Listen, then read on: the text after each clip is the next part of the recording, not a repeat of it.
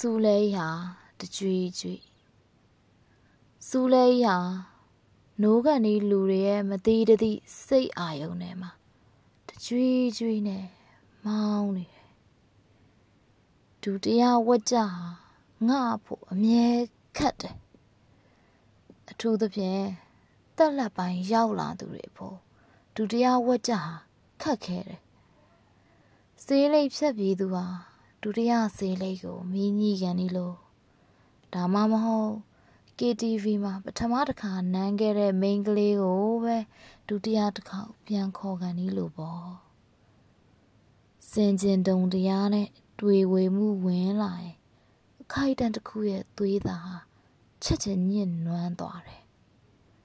ခါနေတဲ့ငါရှာပေါ်မှာပထမညရဲ့မီးပုံအကျွင်းကြံကလေးရှိနေတော့မယ် အာယုံရဲ့အမောင်ထဲမှာမွေးရမြေကိုစွန့်ခွာသူတွေရဲ့တော့ဖွင့်တန်ကိုကြားနေရတယ်ပြီးတော့တကြွေးကြွေးစူးလေဘယ်ရက်ဒေတာကိုရောက်ရောက်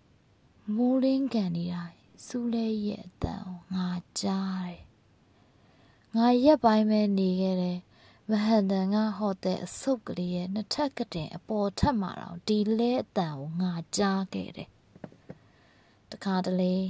စူးကိုင်းနေပေါ်မှာပစင်းပြန်နေနာလို့လဲပိတ်နေဟာ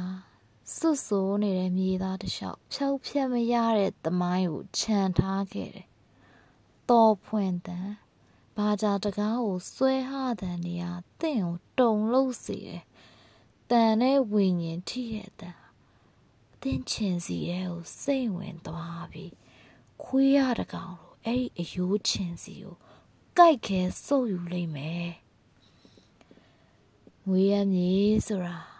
စူးပန်းနေပွင့်ရရက်ပဲစူးပန်းရဲ့ရနံ့ဟာတန်ပါကြတကားကိုဖွင့်ရင်တကားညက်ပြီးသွေးကြည်ဥသွားရဲ့စူးလေးဟာအမြန်လမ်းပေါ်တက်မောင်းတဲ့အခါသူ့ကိုရှောင်ရင်ကားတွေမှောက်ကုန်တယ်အဲ့က နာနာဘာဝတွေပိုများလာပြီအဲ့ဒီနာနာဘာဝတွေမောင်းတဲ့စူးလဲတွေလည်းပိုများလာတယ်တဖြည်းဖြည်းနဲ့မွေးရမြေမှာမြေကြီးတွေကဆွဲနှုတ်ခံရတဲ့တစ်ပင်အမြင့်တွေနဲ့တူတဲ့နာနာဘာဝတွေပဲကြံရင်လိမ့်မယ်